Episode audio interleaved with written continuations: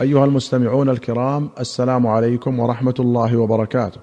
في باب الخشوع والعمل في الصلاة أخرج البخاري عن عائشة رضي الله عنها قالت سألت النبي صلى الله عليه وسلم عن الالتفات في الصلاة فقال هو اختلاس يختلسه الشيطان من صلاة العبد. وأخرج مسلم عن معاوية بن الحكم السلمي رضي الله عنه قال بين أنا أصلي مع رسول الله صلى الله عليه وسلم إذ عطس رجل من القوم فقلت يرحمك الله. فرماني القوم بأبصارهم فقلت وا ثكل امياه ما شأنكم تنظرون إلي؟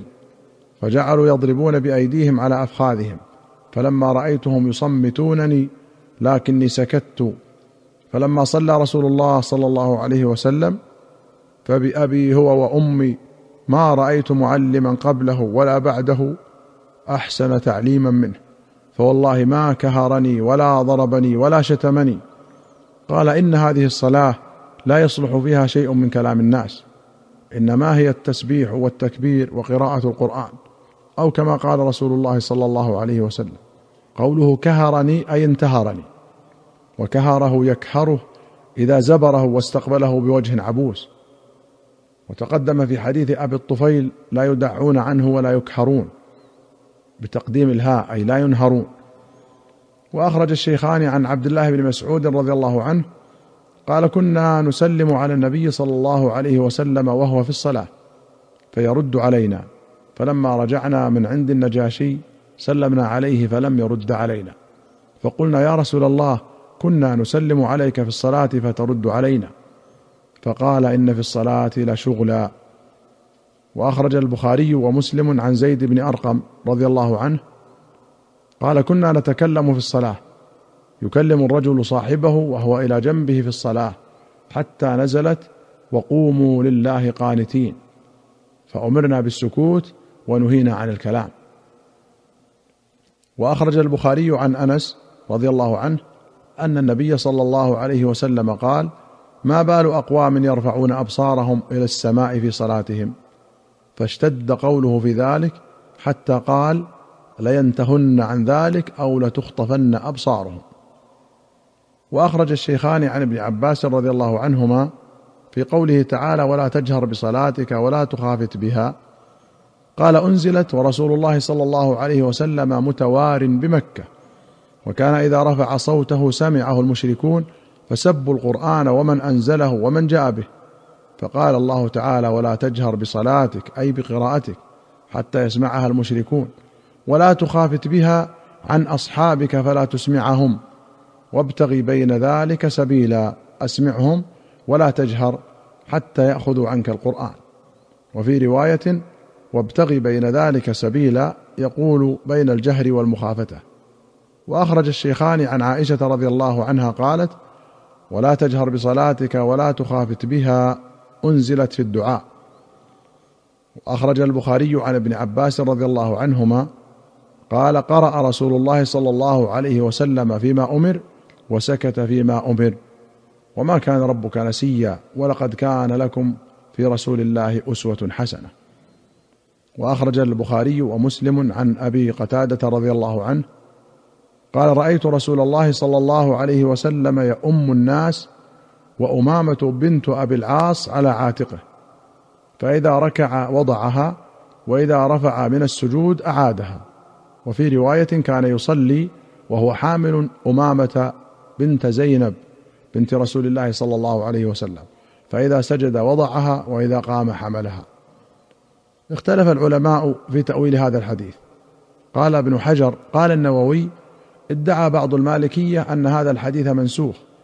وبعضهم أنه من الخصائص وبعضهم أنه كان لضرورة وكل ذلك دعاوى باطلة مردودة لا دليل عليها.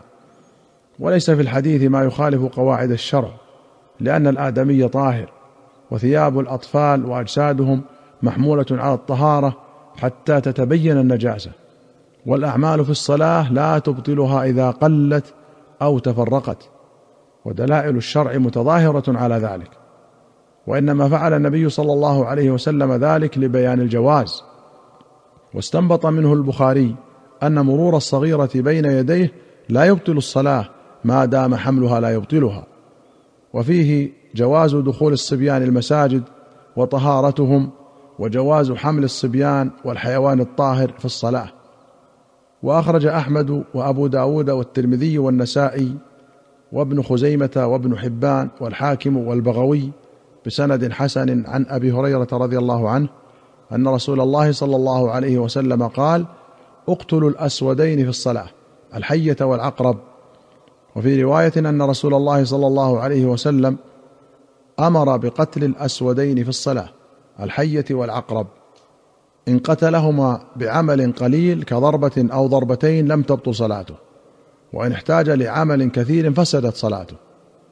قال في المرقاه إلا أنه يباح له إفسادها لقتلهما كما يباح لإغاثة ملهوف أو تخليص أحد من هلاك وكذا إذا خاف ضياع ما قيمته درهم له أو لغيره.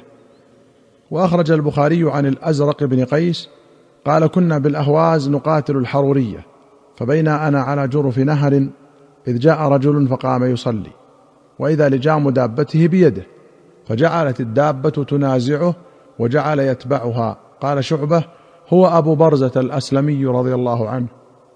فجعل رجل من الخوارج يقول اللهم افعل بهذا الشيخ. فلما انصرف الشيخ قال إني سمعت قولكم وإني غزوت مع رسول الله صلى الله عليه وسلم ست غزوات أو سبع غزوات أو ثمان وشهدت تيسيره. وإني إن كنت أرجع مع دابتي أحب إلي من أن أدعها ترجع إلى مألفها فيشق علي.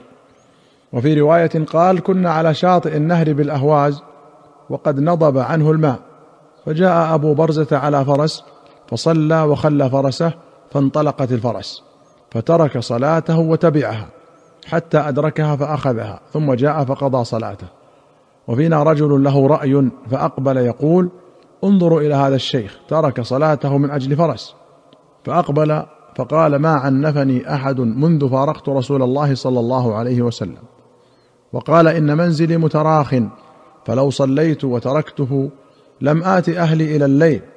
وذكر أنه قد صحب النبي صلى الله عليه وسلم فرأى من تيسيره قوله فلو صليت وتركته أي الفرس. قال في فتح الباري فيه جواز حكاية الرجل مناقبه إذا احتاج ولم يكن في سياق الفخر. وفيه حجة للفقهاء في قولهم إن كل شيء يخشى إتلافه يجوز قطع الصلاة لأجله. وقد أجمع الفقهاء على أن المشي الكثير في الصلاة المفروضة يبطلها فيحمل حديث أبي برزة على القليل كما قررناه. وقد تقدم أن في بعض طرقه أن الصلاة المذكورة كانت صلاة العصر. أيها المستمعون الكرام إلى هنا نأتي إلى نهاية هذه الحلقة.